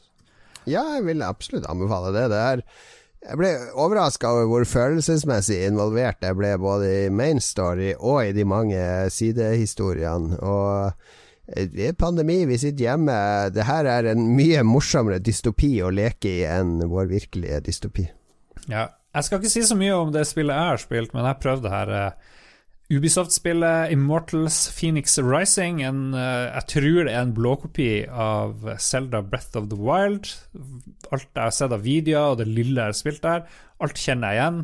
Du har sånne, sånne tempel, her kalles de vel rifts, eller jeg vet ikke helt hva de er for noe. Du må hoppe opp i sånne små vulkaner som en ond person har fått, uh, fått frem i denne verden. Du er i Hellas et eller annet sted, du har masse guder, du har Sus, og du har Prometheus og Hermes og sånne ting. Men han der store skurken han har bare tatt over hele, hele Hellas og er kjip. Men han er en sånn tegneserie. Han er en sånn barneversjon av, uh, av gresk mytologi. Og så er historien sånn at alt fortelles eh, gjennom en samtale mellom eh, Er det Sus og Poseidon, eller jeg husker ikke hvilken gud er, som står og kjekler og prater. Litt sånn irriterende, mye dårlige vitser. Mens du er da Phoenix. Eh, jeg valgte å være ei dame som er den store helten. Tydeligvis det eneste, eneste menneske som ikke har blitt gjort om til stein i, i eh, Hellas der. Og så begynner det med at du får sånne vinger, og så kan du fly et sted, og så blir jeg litt sånn her Herregud, så lite oppfinnsomme de er, de her folkene. Jeg har jo bare kopiert alt fra der uh, jævla Zelda. Så jeg føler som at jeg spiller en dårlig versjon av Breath of the Wild. Problemet er at jeg er litt sånn treg på Nintendo Switch og driver og krangler med kontrollene der. Gidder aldri å lære meg de her sykt teite, lite intuitive Breath of the Wild-kontrollene. Så det er i hvert fall enkelt her, da. Men ellers så virker det til å være kjempelett. Eh, kjempeenkelt å kontrollere, og så, og så, må du opp. Noe av det første du må gjøre i spillet, det er å gå opp på hodet til en svær statue, og så må du speide rundt. Sånn der synkroniseringsdrit, sånn som i Assassin's Creed. Ikke akkurat likt, men litt sånn. Og så kan du ta opp en kikkert, eller hva det er, og så kan du kikke rundt. Og det er det teiteste. Jeg vet ikke, Det finnes sikkert en annen måte å oppdage objectives på, men du må liksom se deg rundt, og så er det 20 ting du må klikke på for å identifisere rundt deg, som kan være chests og skatter og oppgaver og missions og sånne ting, og det virker utrolig kjedelig lagd. Det er til og med sånn at det begynner å rumble kontroller når du er i nærheten av interessant. Så det er jo finsikte inn på et sted på kartet for å identifisere et sted du kan fære. Holy moly, hvor jeg misliker akkurat det. Men kontrollene er greie, og grafikken er grei, og jeg har valgt sånn performance mode, så det er nesten 60 frames. Det er litt, litt sånn tearing på skjermen. Men spillet ser helt ok ut. Eh, ja, for alle som har spilt det der Breath of the Wild, det er, hvis du vil ha mer av det, så er det sikkert veldig bra. Jeg skal spille det litt til, men jeg får bare mer lyst til å spille Selda og liksom komme over den kneika og, og, og, og, bli der. Jeg vil heller dit. Takk for meg. Mye dårlig humor, mye sånn tegneseriegreier, veldig barnevennlig. Så du hater det, med andre ord? hater det litt. ja. Du er bare sur fordi at du ikke har spilt Cyberpunk. Veldig sur. Er det noe du lurer på om Phoenix Rising? Spurte akkurat da Jon Katt skulle drikke vodka. Uh, uh, nei, uh, er det Hvis du hadde hatt barn, er det et spill du kunne sett for deg hadde vært artig å spille sammen med barna? Nei. Cyberpunk er sånn at uh, jeg er glad for at jeg ikke spilte det i stua mens kona så på med alle de her det er noe sånn der uh, pornoskjermreklame òg, så det er sånn stønning ah, ah, ah! sånn. Det er uh, Ja, jeg ble nesten flau av det. det ja. Jeg ble ikke flau av Phoenix uh, Immortals Rising, for å si det sånn. Ble mer irritert. For, jeg har fått det gratis, eventuelt spørsmål. Har fått Nei, jeg betalte for det. Fuck blir de her next gen-spillene? Endelig en kritisk Med en gang du har måttet betale for et spill, så kommer den uh, kritikken frem. 'Dette er ikke verdt pengene', mens alt annet bare hva er det? Kjempegøy! Kjempegøy!' Uh, 675 kroner, det sånt helt absurd måtte jeg betale Jesus for det lord, så mye! Ja. ja, jeg kjøpte det digitalt. Oh. Ja, for, og bare for disclosure, jeg har jo selvfølgelig fått Cyberpunk gratis, men jeg har allerede preordra okay. det på Epic Game Store, så jeg har kjøpt det òg. Ja ja, da må vi trekke fra et par terninger på skalaen.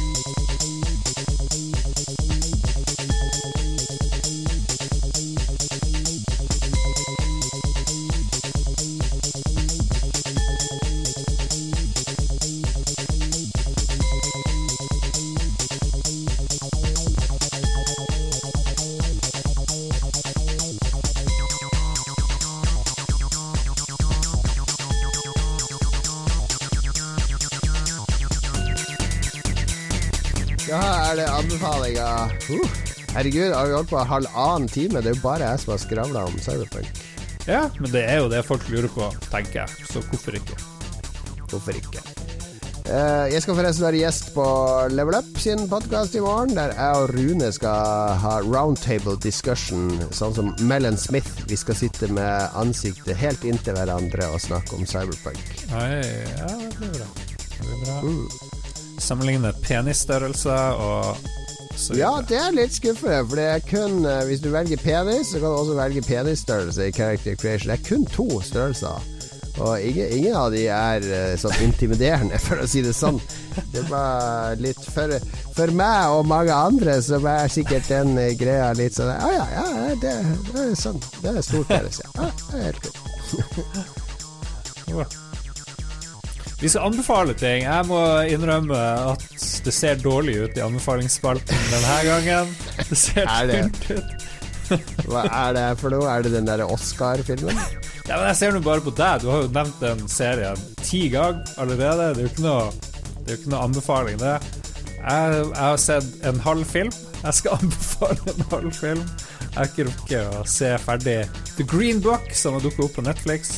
Vant Oscar for beste film i 2018. Uh, eh, han uh, Aragorn spiller hovedrollen. Jeg husker ikke hva han heter. Mats Mikkelsen, nei, hva han heter Peter Larsen. Uh, Rakett-Madsen. Han er jo sånn halvdansk. Ja, ja, ja. Ubåt-Madsen. ja, nettopp. Ubåt-Madsen. Hva heter han for noe? Han heter så mye som Viggo Mortensen. heter han Viggo Mortensen har blitt feit og gammel. Han driver og spiller en italiener. Jeg vet ikke om jeg tror på Viggo Morten som en sånn hardbarka italiensk semimafioso som er en bouncer og sjåfør og skal kjøre rundt i sørstatene og ellers på, på østkysten i USA en, eh, en eh, svart eh, jazz, eller i hvert fall en pianist, som spiller i en trio. Og så er det litt sånn Det er sånn motsatt Driving Miss Daisy, tenker jeg. Det er ikke en svart fyr som kjører rundt på en sånn Porsche. Hvit dame, det er motsatt. Det er en hvit mann, litt sånn uh, down to earth, som skal kjøre rundt på en sånn overklasse musiker. Han har aldri spilt Han har aldri hørt på radio, høres det ut som. Han hører bare på LP eller noe sånt. Er enorm snobb. Han vil at han, Viggo Mortensen skal lære seg å uttale ting rett. Han vil at han, Viggo Mortensen skal bytte navnet sitt fordi det høres for bondsk ut, og, og så videre. Og så kan begge lære noe av hverandre. Det er en sånn roadtrip, ekte roadtrip, hvor de skal lære ting om seg sjøl og lære ting om verden. Eh, det er jo ikke bare bare å drive og kjøre rundt og være svart i sørstatene i USA. Du blir jo trua med lynsjing. Det her skjer jo på 50-60-tallet, noe sånt. Og, eh, men det er veldig koselig. Jeg skjønner hvorfor det er en varmt Oscar. Det er en veldig sånn ufarlig, men med et uh, alvorlig og enormt moraliserende budskap uh, i bunnen. Og jeg må si jeg har likt, likt, likt halve filmen. Jeg kanskje har sett tre fjerdedeler. Det er alt jeg har rukket av populærkultur i en travel jobbuke. All min tid har gått mye med til å sitte og irritere meg på Phoenix uh, Immortals. Uh, ja, men det er bra. Det er jo spill du skal spille i for denne podkasten. Ja, det er det. Men, men uh, jeg liker det så godt at jeg tror jeg kan anbefale det helhjerta likevel. Mm. Ja The Green Book, eller uh... Eller Phoenix? Nei, The Green Book. Heter den Green Book? Det er jo en sånn bok Det er jo som i, uh, i Lovecraft Country. De driver og skriver den der Green Book. Liksom, hvor er det trygt å bo? Hvor er det trygt å ferdes? Green Book er en ja. sånn bok han Viggo Mortensen må kikke i for å få han trygt frem. ja, ja, ja. Jeg har sett den filmen, faktisk. Du har sett den? Ja, ja. ja. Støtter du min anbefaling? Ja, altså det er jo Det er den type feel good Feel good-film eh, ja. de luxe, da. Ja, jeg likte det litt. Da fikk feel good-stemninga. Det tror jeg vi trenger. Ja, og så har man jo alltid sansen for den der litt uh, primitive arbeiderklassekarakteren som begynner som litt sånn rasistbølle, men så har han veldig gode verdier på bunnen, da. Og stiller opp for de svake, og dømmer ikke, og blir en klippe for denne ensomme kunstneren som føler seg isolert både blant sine egne og i livet ellers. Jeg skjønte sånn hvor du bar. Oppskrifts, oppskriftsmessig i film, ja, vil jeg si. Jeg skjønte hvor du bar da de da Viggo kjøper fried chicken. De kommer inn i Kentucky, og så er det en Kentucky fried chicken, og han, Viggo bare uh, Kentucky fried chicken i Kentucky, når kommer du til å oppleve det, liksom? Og så vil han ikke spise det, han der jazzmusikeren. Han bare nei, nei, det er, liksom, har du ikke noen napkins til meg, og sånn? Og så bare ender han opp med å elske det der Kentucky fried chicken, ikke sant. Men er du Det er jo sånn true story-greier. Bruker du å sjekke sånn Alltid når jeg ser sånn her eh, basert på en sann historie, og, så, så må jeg sjekke det på internett etterpå. Eh, jeg, jeg har funnet de folka. Han Å ja. musikeren og han eh, gangsteren. Begge de har masse bilder av de på nett. Ja, ja. Det ante ikke. Ja vel. Var de sånn narkovrak på ordentlig, og rasister og sånn? Det vet jeg jo ikke. Det er jo Hollywood, det her, Lars. Eh, Oscar-materiale. Den vant vel masse Oscar og Men ja, det er en eh, Jeg vil si det er en sånn date-movie. Hvis du skal ha en litt sånn ufarlig feel good-film å se med daten din, så er det et trygt valg. Ja, det tror jeg nok. Sett den alene. Sitt og gråter alene. Gråt du av den? Nei, nei, ikke så langt. Hva vi- hva var det sist du gråt av en film? Eh, Jeg husker ikke. Husker ikke. Jeg gråter veldig lite. Ja, av og til på film så kan jeg gråte. Kan. Men jeg blir mest rørt av unge mennesker på sånn eh, juleavslutning, hvis de fremfører noe veldig fint. Det syns jeg er nice. Å, ja vel. Ok. Uh, jeg skal ta TV-serieanbefaling. Jeg har vært litt på hold denne uka pga. Uh, spillet jeg har spilt, Cyberpunk. Men meg og min kone Vi har nå endelig kommet inn i Le Bureau igjen. Denne NRK-serien om uh, franske uh, spionavdelinga, etterretninga. Som, eh, ja, som handler om den franske etterretninga, rett og slett. De har spioner i Iran og i Syria og, og rundt omkring. Eh, De prøver å holde kontroll på koloniene sine, er vel det de gjør. ja, du vet jo at Frankrike er jo det landet som er til stede i flest tidssoner i hele verden. Eh, via kolonier og utposter og sånne ting. Flere tidssoner enn USA. Det visste du sikkert ikke. Eh, Det, ja, ja. Jeg kan ikke se for meg at Frankrike har mer makt utenriks enn Fra Nei, US, USA Nei, har mer har, makt. ja, de har mye tilstedeværelse. Uh, og de var jo en av de største kolonimakten. De spredde seg utover mesteparten av jorda.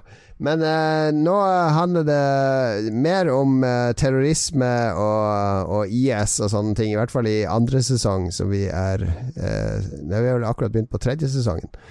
Eh, så det, det er ekstremt spennende, da. Det er litt sånn seig start. Det, det her er mer sånn John Le Carré-spionfortelling enn uh, Jason Bourne. Så hvis du forventer de der eh, amerikanske spionseriene der folk løper rundt og skyter og kjører bil og kjører på sånne ramper og hopper over biler og sånne ting. Det er ingenting sånn her. Det her er basically folk som sitter og stirrer på en skjerm dagen lang og snakker med folk på Skype. Altså Av og til så er det litt sånn der ute i felten og, og gjøre ting, men det er ikke noe sånn der eh, løpe rundt med maskingevær og og plaffe løs eller uh, uh, Ja. vodka martini, shaken not stirred. Det er kontorjobb, uh, og det er det som gjør det Det føles så autentisk, ikke sant? Det føles jo ut som det tar Det er sikkert ikke en, en ekte representasjon av hvordan det er, men det føles mye mer ekte enn mye annen sånn spiongreier. Og jeg sjøl er veldig fascinert av spion. Skulle ønske jeg jobba i etterretninga. Men er det ikke mer en komedie? Er det ikke litt sånn farse? Inn og ut av skap og ut balkongen, og litt sånn forviklinger og litt sånn? Jeg har bare sett en halv episode. du Hæ? Ja, er det veldig realistisk? Er det ikke litt sånn der eh, Farse? tegneserieaktig, hele greia? Nei, jeg tror du må blande med noe annet. Det er jo ingenting med det her er jo dødsen seriøst hele tida. Ja, Ja, okay. Ja. Ja, det har jeg sett noe rart. Aner ikke hva det er. Altså. Nei, det ligger på NRK fem sesonger, og det er det vel verdt å, å bruke tida på. Jeg er helt oppslukt av Le Byrå. Du tenker på The Office, du, kanskje? Jeg er sikker på at det må ha vært det, altså. Ja, ja. Greit, greit.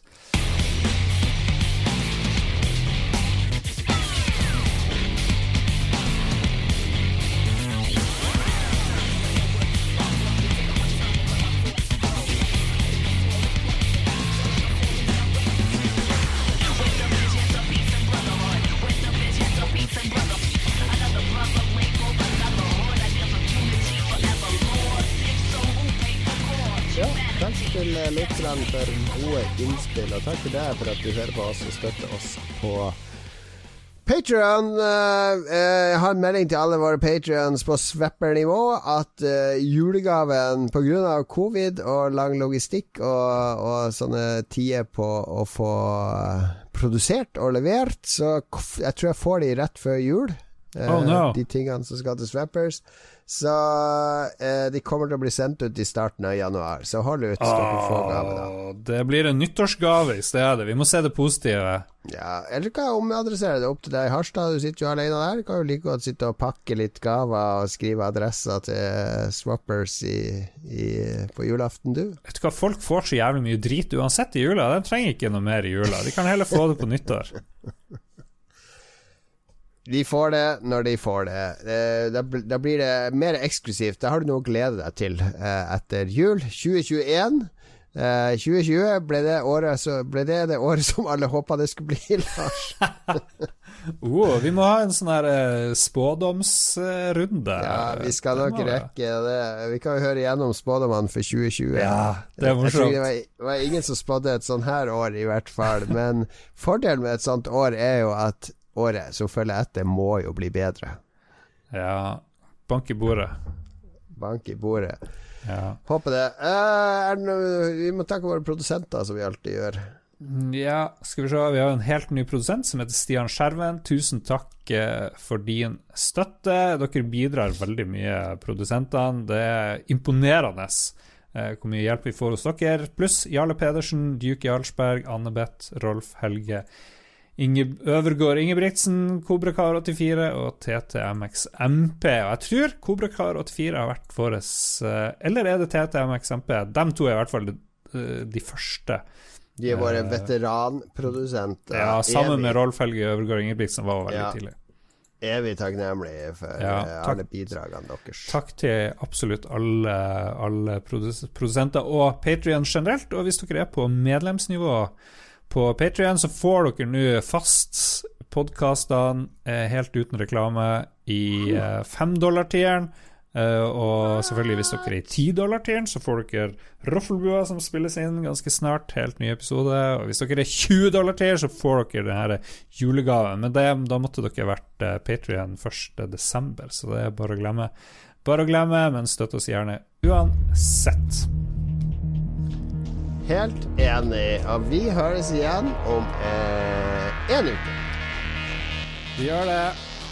En uke, en uke, en uke. En.